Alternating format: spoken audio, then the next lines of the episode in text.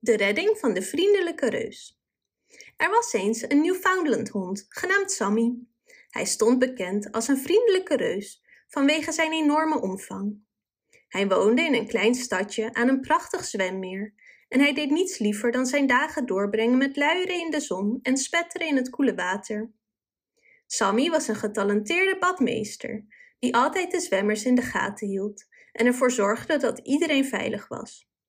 Maar ondanks zijn liefde voor zijn werk en zijn huis, hunkerde de hond naar avontuur.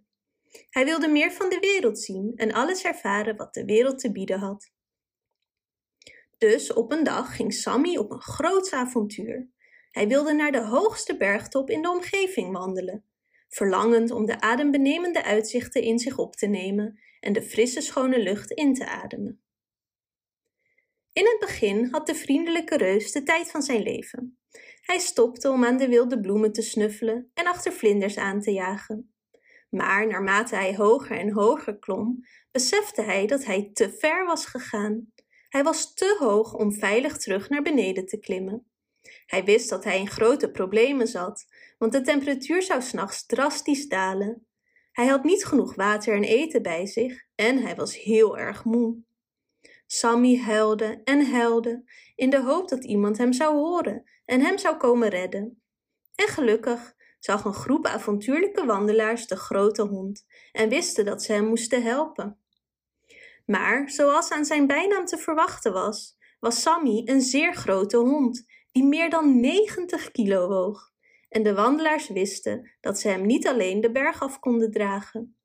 Dus riepen ze om hulp en een team van sterke brandweerlieden wandelde de berg op om Sammy te redden. Toen de brandweer arriveerde was de hond dolgelukkig. Ze wikkelden hem in een warme deken, gaven hem wat water en eten en legden hem voorzichtig op een brancard. Daarna droegen ze hem voorzichtig de berg af, waarbij ze ervoor zorgden dat hij de hele weg veilig en comfortabel was. Sammy was zo dankbaar dat hij gered was en hij beloofde dat hij nooit meer alleen op zo'n groot avontuur zou gaan. Hij was blij om weer thuis te zijn, omringd door zijn dierbaren en de vertrouwde beelden en geluiden van de zwemvijver.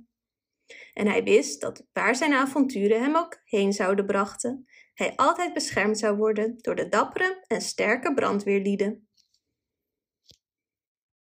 Bedankt voor het luisteren.